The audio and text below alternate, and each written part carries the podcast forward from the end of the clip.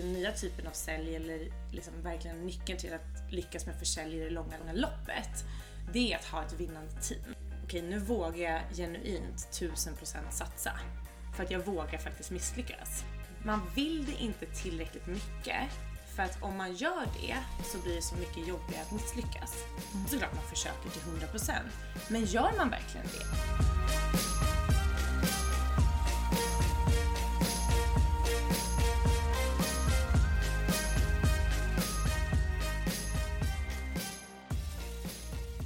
Hej och välkomna till Cellsation Podcast. Jag heter Louise Söderqvist. Och jag heter Emma Wallin. Och idag har vi med oss en superspännande gäst som eh, båda har hunnit varit eh, mäklare i London i eh, fler, flertal år men är nu tillbaka i Sverige och eh, jobbar på bolaget Team Taylor som säljchef. Varmt välkommen Sofie Ekelund. Tack så jättemycket! Jättekul att vara här. Ja men så kul att eh, ha dig här. Allt bra med dig? Det är jättebra tack. Lite svettig efter trapporna. Ja, Eh, lite språngmarsch upp, fyra trappor upp i värmen. ja, Ja. men jag mår jättebra. Jag har precis börjat min semester idag. Så lite extra pepp och lite utvilad, sovit i morse och sådär. Så det är jättebra med mig tack. Gott. Skönt, vi har en vecka kvar. Eller du har två. Jag har två veckor kvar, Ja. sen så sticker jag. Mm. Men nu är det här att vi ska prata lite sälj i tanken. Ja. Eh, Men du, kan du inte berätta lite kort om, om vem det är och lite vad du har gjort, eh, gjort tidigare och där det är idag? Ja men självklart. Ehm, så jag jobbar på Team Taylor som försäljningschef och varit där i lite över två år. Och jag började på Team Taylor som account manager. Och sen så blev jag CAM eh, efter ungefär ett år. Och sen så har jag nu de senaste 9, 8, 9 månaderna varit försäljningschef. Så att det har varit en resa inom bolaget som varit jättespännande. Eh, Men innan dess så var jag i London, som ni var inne på lite grann där, i fem år faktiskt. Och jobbade även med försäljning där. Så Häftigt. ja, Och det var bara en, eh, du fick bara för dig att nej nu måste jag ha en, någonting nytt och en utmaning och jag sticker till London. Eller? Ja, ja men precis, om man backar bandet lite grann. Så jag har jobbat väldigt mycket med sälj, alltså alla möjliga säljroller. Eh, för när jag slutade gymnasiet så visste jag inte vad jag ville göra. Ganska så här klassiskt, vad, vad ska jag hitta på nu? Eh, och jag visste väl inte riktigt heller vad jag ville plugga vidare. Så att jag tänkte det är lika bra att bara släppa det och låta det vara några år. Och då jobbar man ju ganska mycket, liksom ofta med sälj. Eh, för det är ganska lätt att få ett säljjobb när man är ung. Så att jag jobbade allt ifrån butik till liksom mötesbokare. Alla tänkbara säljjobb. Och jag märkte ganska snabbt att jag gillar det här, det är kul, jag gillar säljyrket. Men jag kom till en punkt efter ungefär fem år där det var lite så här, jag vill komma till nästa steg, jag vill komma till nästa nivå. Hur ska jag göra det? Eh, och då tänkte jag att ett bra sätt kan vara att faktiskt plugga försäljning. Och jag skulle rekommendera det. Att så här, vill man verkligen jobba med försäljning, plugga någonting. Eh, så jag gick en K-utbildning två år, marknadsföring och försäljning. Och efter det så kände jag att jag fick verktyg och liksom en språngbräda för att faktiskt kunna ta mig vidare och jobba med sälj på en lite annan nivå. Och när jag var klar, man- då gör man ju praktik. Så i slutet där på, på sista året så åkte jag till London ett halvår för att göra praktik. Och eh, det gick åt skogen. det var lite så kul. Ja, då skulle jag, fick för mig att jag skulle vara liksom inom marknadsföring ehm, och att jag skulle, så jag skickade över hundra ansökningar om att få liksom ett internship. Fick kanske tio svar. Oj. Varav så här fem var automatiserade, så här, tack men nej tack typ. Eh, fick tre intervjuer och utav de tre så valde jag, ja det är också så här med livet, liksom, valde helt fel. Så att jag var på ett jättelitet bolag med två andra väldigt så här, seniora. En så här, managing director och en art director, superseniora, lite äldre engelska män som inte alls liksom var så schyssta mot mig i sex månaders tid. Så när jag var klar med det så var jag såhär, okej ska jag åka hem nu, så här sex månader och vara hem och börja om? Eller ska jag bara ta mig igenom det här? Och då, då bestämde jag mig för att stanna. Så jag jobbade på en restaurang ett år.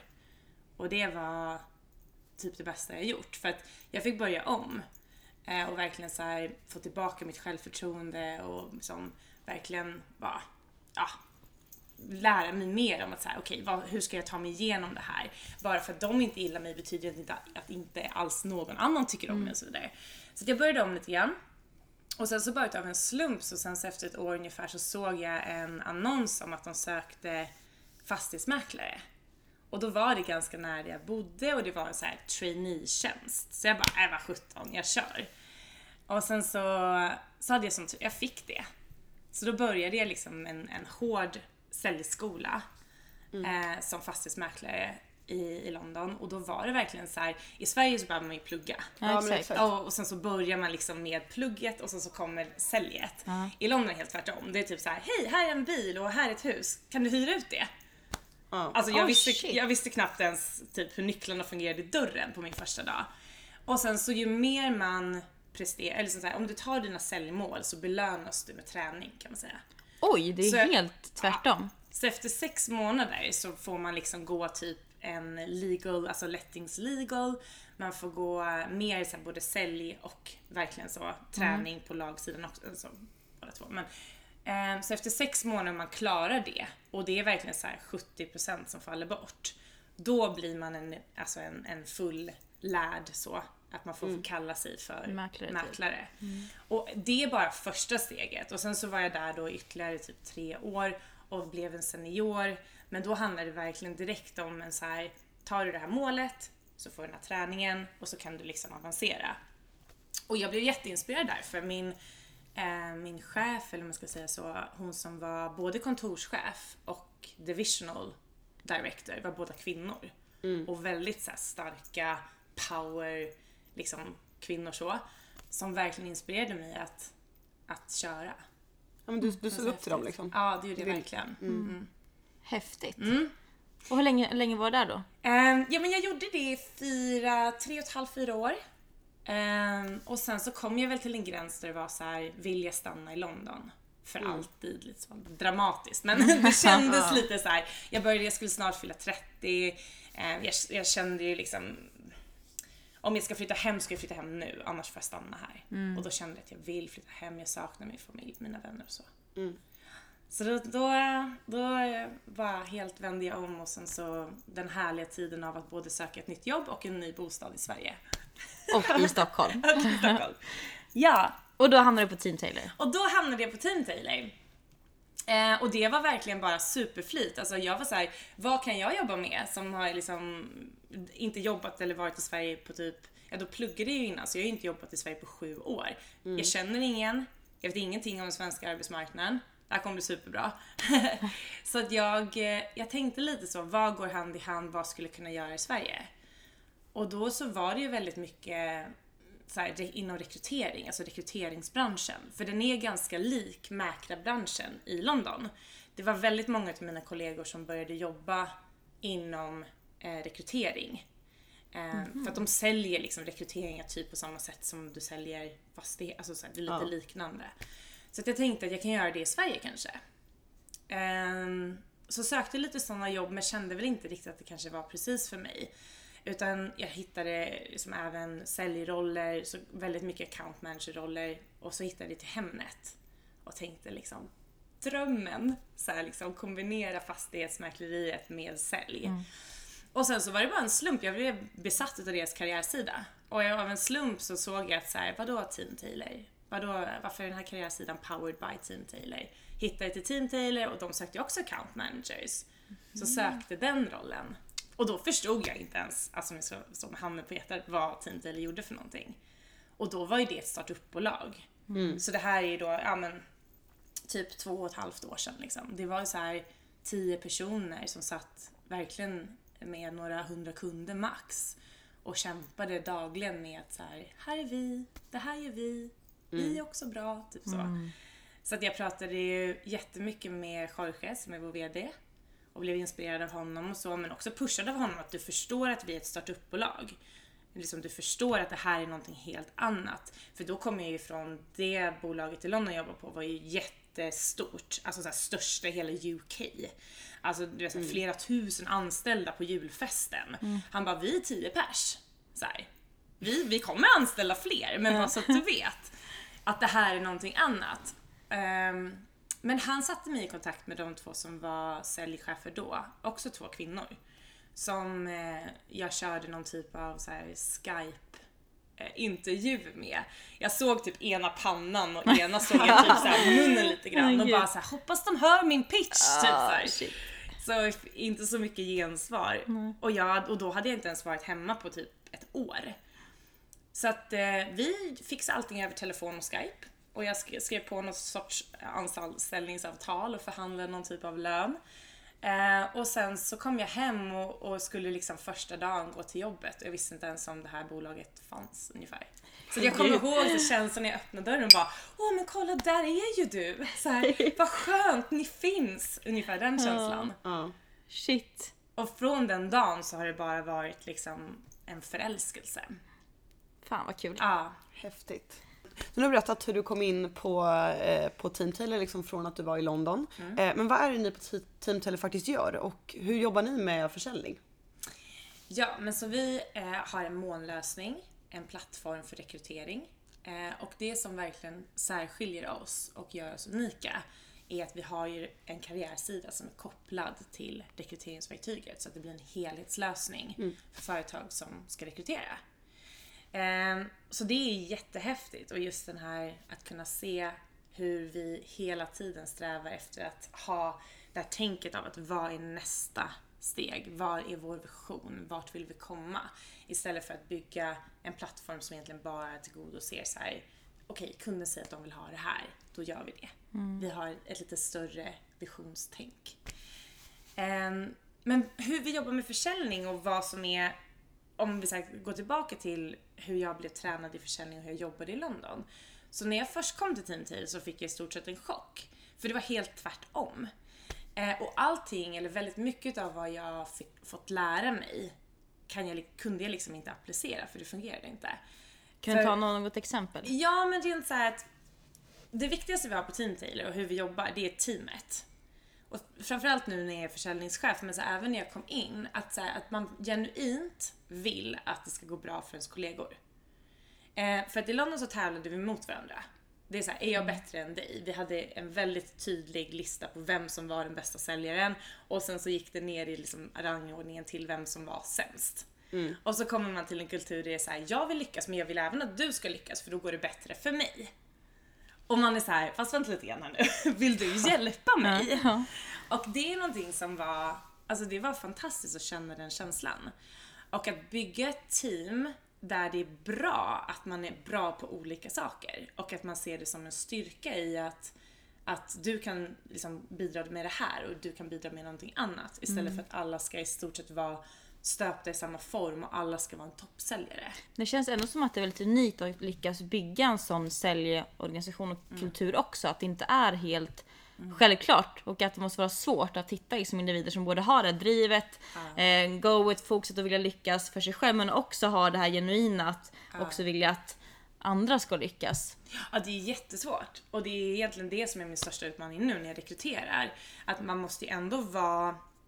Alltså säljjobbet är ju väldigt individuellt. Du måste vilja tävla med dig själv och även med andra såklart. Du måste, vilja, du måste drivas av att ta mål, ta budgetar. Men jag tror att genuint så här, den nya typen av sälj eller liksom verkligen nyckeln till att lyckas med försäljning i det långa, försäljning i det långa loppet, det är att ha ett vinnande team. Att jag kan inte bara alltid trycka ner mina kollegor för att jag ska komma upp. Utan om jag hjälper dem också att bli bättre och vi gemensamt blir bättre så kommer vi ju sälja mycket mer tillsammans än vad jag kan bara sälja jag själv. Alltså jag, jag tror det där handlar också om hur man, hur man kommunicerar olika typer av mål. Att kommunicera, dels att alla har ju individuella mål på något sätt. Men att man också, man också kommunicerar det gemensamma målet som finns för teamet. Precis. Eh, För det tror jag går ju också- inte att bara säga så här, åh det är så bra att vi hjälper varandra. Man måste ju sätta konkreta, att man har en gemensam budget kanske som man faktiskt gemensamt ansvarar över. Att man har liksom kvartalsbonusar som är liksom på teamet. Så att det måste ju vara någonting, för det är sånt som triggas, triggar säljare. så det kan inte såklart. bara vara så här fluffiga liksom okonkreta, åh vi kommer tycka om varandra så Nej. mycket mer. Utan det måste ju vara rena så här, gör ni det här som team så får ni den här bonusen. Så att man plockar upp och hjälper varandra. För att det kommer gynna en individuellt också. Ja. Så. Ja, det här med, det här med fluff biter ju sällan. Liksom. Nej, nej det gör inte det. Men jag har konkreta kopior vad man ska göra på Exakt. både dags och veckobasis och månadsbasis. Men Sofie, hur, ehm, hur har det utvecklats tack vare försäljningen på, om man tänker på det personliga planet? Känner du någon, men tack vare försäljning så har jag blivit mer på det här sättet eller? Kan du... Jo, absolut. Ehm, jag funderade lite grann på det här innan vi skulle träffas idag. Och framför allt så tror jag för mig, ehm, och jag tror att det ändå kan gälla andra också, att så här, man sätter ju ofta mål för sig själv, vad man vill göra eh, och hur man ska kunna ta sig dit. Men väldigt ofta kan jag känna i alla fall hur det var för mig. Det var så här, man vill det inte tillräckligt mycket för att om man gör det så blir det så mycket jobbigare att misslyckas. Om man ger sig in i någonting till 1000% och man ger det sitt allt och så misslyckas man, då har man inga ursäkter. Men om man inte försöker helt fullt ut, då kan man, till, då kan man liksom säga till sig själv att så här, men jag försökte ju faktiskt inte. Så det gör ingenting att jag misslyckades nu, för att jag ville ju verkligen inte. Utan jag gjorde bara det här lite grann på skoj. Så att det blir inte lika hårt när man faller. Och det tog mig väldigt lång tid och jag var tvungen att liksom, det var först när jag blev lite äldre som jag kände så här. okej nu vågar jag genuint 1000% satsa. För att jag vågar faktiskt misslyckas. Och det har jag gjort massor med gånger. Eh, på mass- både mm, som personligt och, och eh, liksom i karriären. Men det är en så liten grej och det kan inte synas så som en så enkel sak. Det är såklart man försöker till 100%. Men gör man verkligen det? Vill man verkligen? Och det blir en annan typ av, av eh, att sätta ett mål då. Då blir det på en annan nivå. Det blir läskigt. Man känner sig själv, man nästan får lite så här gåshud för det blir läskigt då. För man kan misslyckas. Men man måste våga göra det. Så det är någonting som så här försäljning har nästan så här tvingat mig att våga göra. För det förväntas av mig. Just det. Det är många som säger också att när man sätter mål så ska det alltid kännas läskigt för annars är det inget mål. Eh, har man hört många gånger att är det inte sen då, då är det liksom för lätt att Bekvämt. uppnå. Ja, precis, bekvämt. Ja, absolut, att, att ett mål måste ju vara realistiskt men det måste ju också vara att man pushar sig lite grann. Att man sätter ett mål som är mer eller fler eller bättre än vad man har, har lyckats med tidigare. Och att man pushar sig själv, absolut. Ja. Det känns som att det är så typiskt eh, svenskt att eh, man inte alltid ska vara så happy clappy hela tiden och att allt är så bra, man, eh, man mår så bra och allting går så bra. Och, fast men att, att man inte ska visa utåt att eh, det har gått åt helvete liksom. Eh, och att eh, det är någonstans ju, ju mer man, jag ska inte säga misslyckas men ja, att det kanske inte går som man tänkt. Så man, man lär sig ändå någonting på vägen och så får man bara tänka efter, okej vad kan jag göra bättre till nästa gång för att inte hamna här igen. Och det är nog ju mer man vågar misslyckas eller ja, när det inte går som man själv vill att det ska gå. Jag tror att det blir ännu vanligare då att man också vågar pusha sig själv för att man vet att det, det gör inte så mycket. Eh, alltså det är visst fan, fan vad surt att det inte gick som, som jag ville men vad har jag lärt mig? Och att man vågar sätta de här lite höga målen så att man varken är rädd för att lyckas eller rädd för att misslyckas. Så det är superviktigt. Framförallt om man är ung i karriären. Att man är rädd att man, man har så mycket, inte ångest, men man har så mycket prestation på sig själv för att man inte, man ska alltid prestera och vara to- på topp och allt det där. För att man vid den åldern kanske inte har misslyckats någon gång, då är man rädd för det. Men jag tror det är superviktigt och ja, så, så bra, bra in, inflik. Det känns som att du jobbar mycket med mål själv då, förstår jag. Ja, och, och sen så också just det här men för mer med att våga misslyckas. För det är ju verkligen då man kan så här, lära sig, utvecklas och sen så ta ny sats och sen så köra igen. För att en person som bara alltid skulle lyckas, lyckas, lyckas. Alltså, då kommer man ju aldrig komma någonstans eller bli bättre. Nej. Utan då kommer man finna sig själv i en situation där man säger okej, jag är precis samma säljare som jag var för 10 år sedan. Ja. Så att egentligen att det går ner, det är de perioderna i livet som är Hur man växer. bäst. alltså så, här, så hemskt som det låter. Man växer motvind eller vad, vad är det man säger? Ja. Ja. Och sen så finns det lite så också att det är skillnad på att, att liksom lära sig och gå vidare och att någonting som en person sa till mig för ganska länge sedan men att så här, tycka synd om sig själv eller ge sig själv ursäkter. Offerkoftan. hur hårt, hårt det än låter. Men gör man det, att man så hela tiden skyller ifrån sig eller inte tar ansvar, då är man inte där. Då, då utvecklas man inte. Och att faktiskt genuint våga fråga någon så här, vad gjorde jag fel? Kan du ge mig feedback? Kanske våga fråga en kund, varför köpte du inte?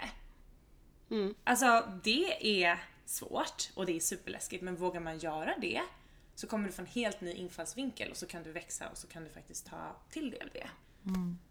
Men det är alltså verkligen så att ta tag i det och försöka hitta någon slags utveckling i det. För precis som du sa, det värsta som finns är ju folk som sitter med offerkoftan och man själv blir så här, men det är inte din kofta, ta av den. Ja, Alltså så här, exakt. Eller, det är otroligt frustrerande tycker jag. Ja, ja, ja jag, jag håller med. Jag håller fullständigt med. Ehm, men jobbar ni med eh, mål mycket på, um, alltså du som säljchef hjälper till att sätta individuella mål? För det är ju någonting som är väldigt viktigt att, att vi- vissa eh, organisationer sätter eh, samma mål för varje säljare men att vissa kanske motiveras av andra mål än vad den andra personen gör och så vidare. Jobbar ni mycket med det, att sätta upp gemensamma mål på månadsbasis eller kvartal eller hur jobbar ni där? Eh, Det är någonting som vi har börjat med precis. Och jag märkte det för att vi har ett säljteam där två säljare stod ut väldigt mycket. Och då så hade vi så här, kör one-to-one så, så frågade de så här, vad, eh, vad är ditt mål? Och de hade så himla tydlig mål, målbild, båda två. Rent så för sin egen försäljning, att så här, det här är liksom siffran jag ska sälja för. På kronan ungefär så. Så det var liksom inget, de hade båda satt ett konkret mål för sig själva. Och jag märkte att den andra delen av gruppen som kanske inte riktigt var där, typ, som inte var liksom en så här direkt siffra eller så. Så då pushade jag teamet lite grann så körde vi, det är en så ganska enkel modell men ganska bra som heter GROW. Och det är att man ska sätta ett mål och då lät jag alla göra det. Och då ska målet verkligen vara så tidsbaserat, mätbart, realistiskt. Alltså det ska vara ett riktigt mål. Och jag vill egentligen ha en siffra från alla. Jag ville liksom inte ha så "Ah, jag vill utvecklas mer inom teamet. Jag ville ha en siffra. Och sen så går man tillbaka och så kollar man på liksom reality. Vart är jag nu? Just det. Och då är det verkligen, för ja, det är någonting jag älskar med sälj, men sälj är ju svart på vitt. Alltså, du kan alltid som säljare falla tillbaka till att säga, okej, jag kommer inte få sparken för att jag har sålt för så här mycket. Så det spelar ingen roll om andra faktorer för att jag är safe. Så, och jag, den känslan kan jag själv älska. Men just det här att man kan gå tillbaka så kan man se svart på vitt, hur gick det för mig förra kvartalet? Och där har du din reality. Och sen så måste man titta på då så här obstacles, vad har vi för hinder för att vi ska komma från vår reality till vårt mål? Och där får man ju också vara ärlig. Är det att jag inte kan produkten tillräckligt bra? Är det att jag själv kanske har hjärnspöken eller mitt mindset är fel? Eh, eller vad är mina obstacles? Och det kan ju vara olika från liksom tid till tid. Alltså, så. Just. Eh, och sen så vad är vägen framåt? Way forward. Hur ska jag från där jag är nu ta mig till målet och komma över de här hindren? Och gör man den enkla modellen, de fyra stegen, så har man och skriver ner det för sig själv. Jag vill, så här, jag vill ha det svart på vitt. Jag vill att ni alla liksom skriver ner och committar till det här. Då har man någonting att gå tillbaka på sen. Men du sa ju till mig att du inte kände att du hade produktkunskap nog. Om vi inte tränar på det här nu, hur ska du då kunna komma till ditt mål? Men det är precis som du säger, alltså sätter man inte mål som uppfyller de kriterierna som du, som du nämner så är det ju omöjligt att följa upp på dem. Alltså det, där tror jag, det där tror jag att generellt att säkert många företag kan göra fel. Att man sätter mål för att man har hört att man ska sätta mål. Ja. Men man har ingen aning om vad man ska göra Nej. med liksom det här. Alltså, Precis. Och det som var så spännande då som du sa så här, men, men hur man är olika. För vissa personer kom och berättade liksom om att de hade ett mål för de nästkommande halvåret, alltså så för sex månader. Som var en klumpsumma över att så här, för mig spelar det, för dem då spelar det ingen roll om jag säljer för si, si och så här mycket per månad för det är ett övergripande mål. Och de kanske ser the bigger picture på ett annat sätt. Medan andra kanske har mycket mer ett veckomål och kanske ser det mycket mer att de vill vara en jämn eh, liksom ha en jämn kurva där de alltid levererar liksom liknande varje månad och det fungerar bättre för dem. Och där tror jag att man får bara embrace att alla är olika. Vissa säljare är jojoar. Du säljer för en miljon, du säljer för noll. Och då är det så som de fungerar och då, så här, då ska man såklart tjäna på det men det är så som de är. Och vissa är mycket mer sån att sätter du en budget på 200 000 då kommer de alltid sälja för 200 000 eller 210 eller 190. För så är de. Så att det var så spännande att se när alla kom med sina mål för att de var väldigt liknande om man såg liksom överlag men de var ändå olika i att vissa bröt ner det, vissa såg helheten eh, och, och ändå så hade alla ett mål. Så det var så häftigt att se för då kan jag ju som säljchef jobba med det. Och då vet ju jag vad du triggas av. okej du behöver ha ett mer långsiktigt mål och du måste kunna få misslyckas. Den här personen är mycket mer så här: jag måste göra det här varje månad för att jag ska ta mitt mål. Just det. Det är väl, alltså vilken, alltså, alltså fan, måste vara fantastiskt i ditt team att, alltså, att ni ändå jobbar så mycket individ, alltså väldigt, väldigt Ja. individbaserat. Det måste ta mycket tid från dig liksom, tänker jag. Men det är ju Ja. fantastiskt, alltså det är så man vill att en chef ska vara egentligen, att lägga den tiden. Men det måste ta mycket tid. Nej, men, och, alltså, jag älskar mitt team och jag lägger ju väldigt mycket tid på att bara sitta och så här egentligen fundera på vad triggar den här personen? Hur ska jag liksom, hur ska jag få den här personen att vilja göra det här? Vi har vissa individer som är väldigt mycket av att man vill göra så, man vill få belöning av att man vill göra saker tillsammans med teamet. Att det bästa man kan säga till dem är så här, tar vi den här budgeten så går vi alla ut och käkar middag och spelar boll. Just det. Det är typ det bästa de kan höra. Andra är såhär, jag får en bonus för 10 000. Jag. Så att jag kan göra vad jag vill. Och det är det som triggar dem. Och det enda sättet man kan få reda på de här sakerna är ju att sitta i one-to-ones och liksom nästan så här tjata typ. Att Ja. gå igenom det vecka efter vecka och ta den tiden som det tar. Men det är lite grann min stil, att så här, och det är tack vare vår VD också, att vi jobbar väldigt individ, alltså så Individanpassat Bas- ja, baserat på personen. Och då handlar det också om att så här, vissa personer ska man släppa. De vet vad de gör, de kanske jobbar med försäljning i 15 år. De behöver kanske mer bara inspireras. Eller få en, en kick i baken då och då. Men andra måste man kanske mer punktmarkera. Så det handlar ju nästan som att så här, driva ett lag. Alla kan inte vara Zlatan, men man behöver en jävligt grym backlinje också. Liksom. Verkligen. Riktigt bra. Och det är så intressant med mål också, vad, vad det kan göra för en. Det, det sägs ju att bara man skriver ner de så ökar chansen med 20-25% på att man lyckas. Och tänk då om man har en jäkligt bra plan också på det. Och sen när man ser till hur, liten andel som faktiskt sätter mål så är det också oroväckande i sig. Så det är fantastiskt att ni jobbar så, så starkt med det, med det idag. Och sen tror jag där också så här, man kan aldrig egentligen ge någon annan ett mål. Nej, jag nej. kan inte säga till dig så här, ditt mål ska vara det här Nej.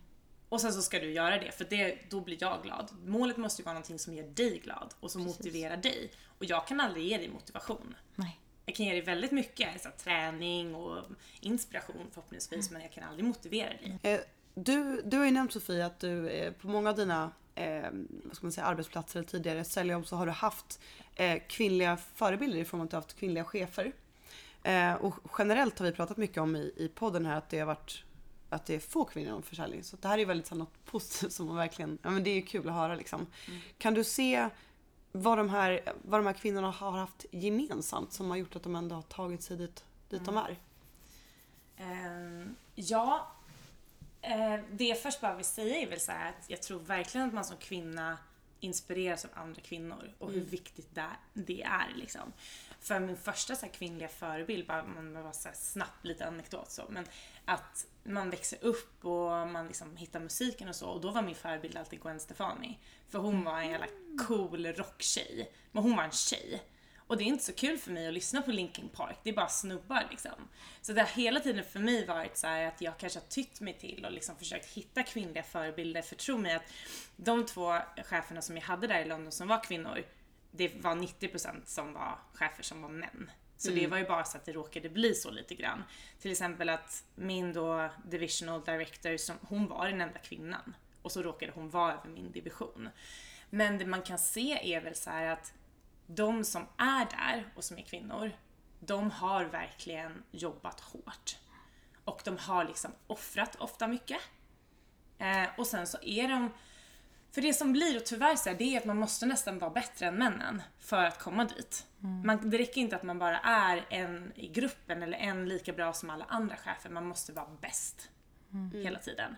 Och det som är då som jag hoppas att se mer och mer av, det är att vi inte ska behöva tävla mot varandra som kvinnor utan vi snarare ska kunna så här, ge plats till andra kvinnor. Jag har nästan med flit nu när jag rekryterat sagt så här, jag vill ha fler tjejer. För att jag vet att tjejer är grymma och speciellt inom försäljning, de tjejer som jobbar med det, de är bra. Så jag vill inte ha liksom, jag vill ha ett team där det är 50-50 för att jag vet att det kommer bli bäst. Är man en grupp som är blandad så blir det bäst. Men det man kan se är väl att så här, ja, egentligen, vad jag tror, det är att om en kvinna liksom inspirerar så tror jag att fler följer. Så den som, som var min chef, när, eller de två tjejerna som var mina chefer när jag flyttade till Sverige här, det var väl mer bara att båda två var väldigt bra säljare och sen så fick de bli chefer. Och sen så råkade det bara vara att det var två tjejer. Men jag tror att man, ja, jobba hårt och verkligen så försöka att inte armbåga bort andra utan snarare så här, liksom, samarbeta med andra. Så bra. Mm. Intressant. Verkligen. Men ja, och sen så faktiskt också tack alla bra män som ger kvinnor chanser. Och som faktiskt inte så här, som kan se förbi sådana töntiga saker som att ja, nu kommer en kvinna. Liksom. Verkligen. Som pushar en framåt och ger en konfident och självförtroende och den biten. Och det är väl det jag verkligen älskar så här fantastiskt med försäljning. Eftersom att allting är så resultatbaserat och du kan se svart på vitt. Eh, Det, det, det, är nästan inget namn utan det är så här, den här personen har sålt så här mycket, den här personen har sålt så här mycket. Vem är bäst?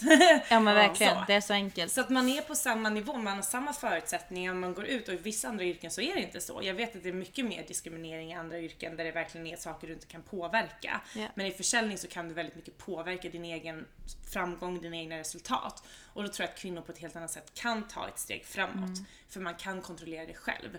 Och jag tror att kvinnor på många sätt har starkare psyken och faktiskt inte tycker synd om sig själva och kör.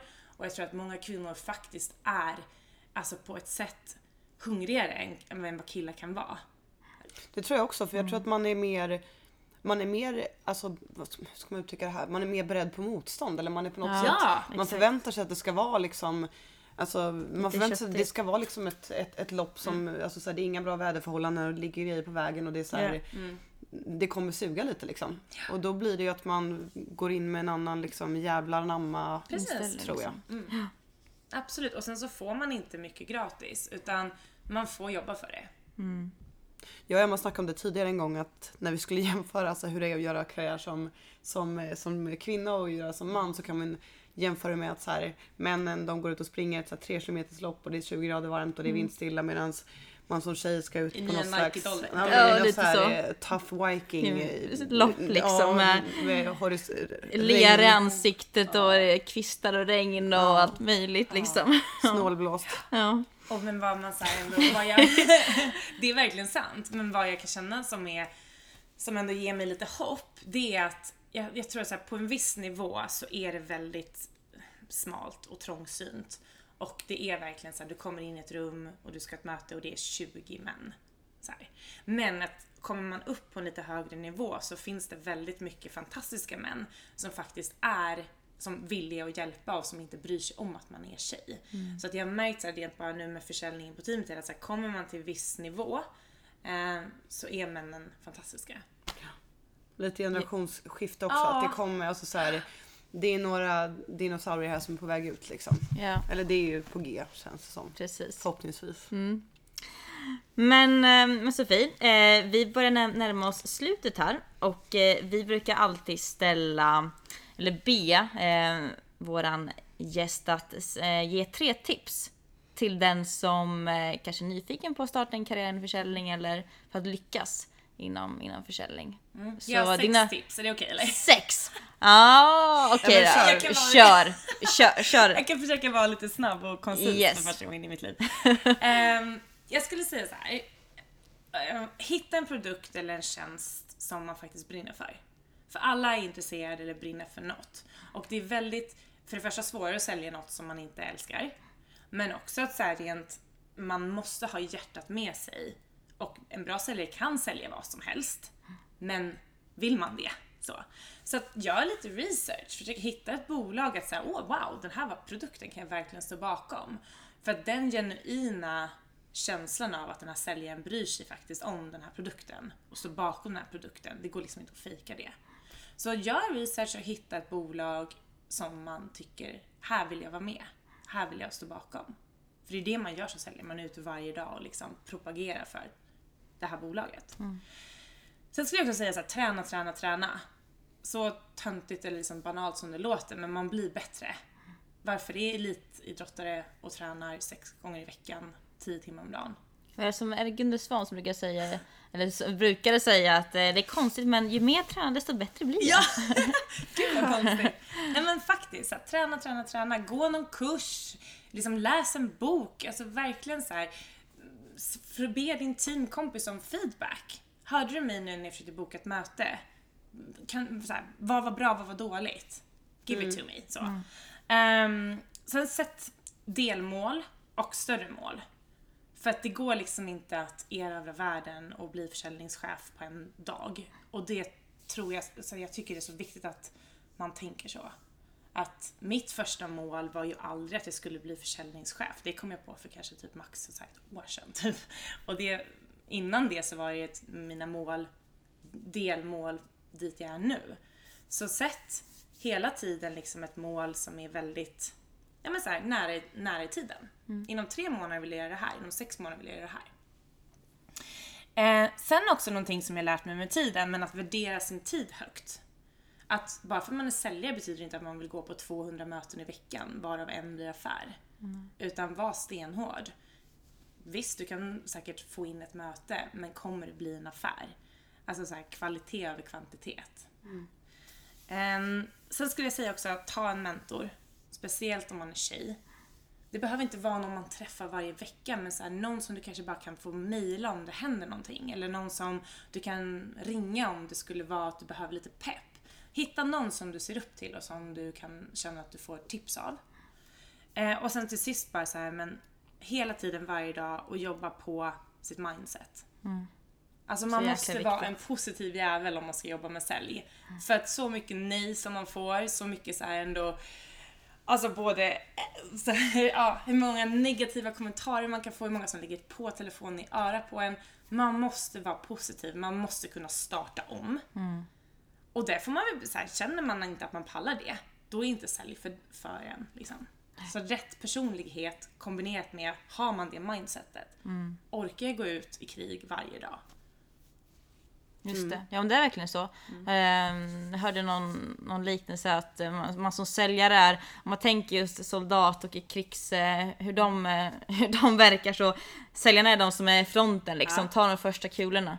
Det gäller att ha lite skinn på näsan. Ja, verkligen. Och sen skulle jag säga att det hjälper, men om man tänker så här att man är lite teaterapa eller så, men att man tycker om att liksom hålla föredrag och prata inför folk och att man tycker om att, att eh, ja, men ta den platsen. För annars kommer man bara må dåligt av att jobba med sälj. Verkligen. Snyggt. Super, super bra, bra tips Sofie. Och det får, det får avsluta det hela. Tack så hemskt mycket för att du kom hit. Tack så jättemycket för att jag fick komma hit. Det var jättetrevligt. Stort, stort tack. Och eh, kära lyssnare, tack för att ni lyssnade så eh, hörs vi igen i nästa vecka med ett nytt spännande avsnitt. Ni får ha det så bra tills dess. Ha det bra. Hejdå. Hej då!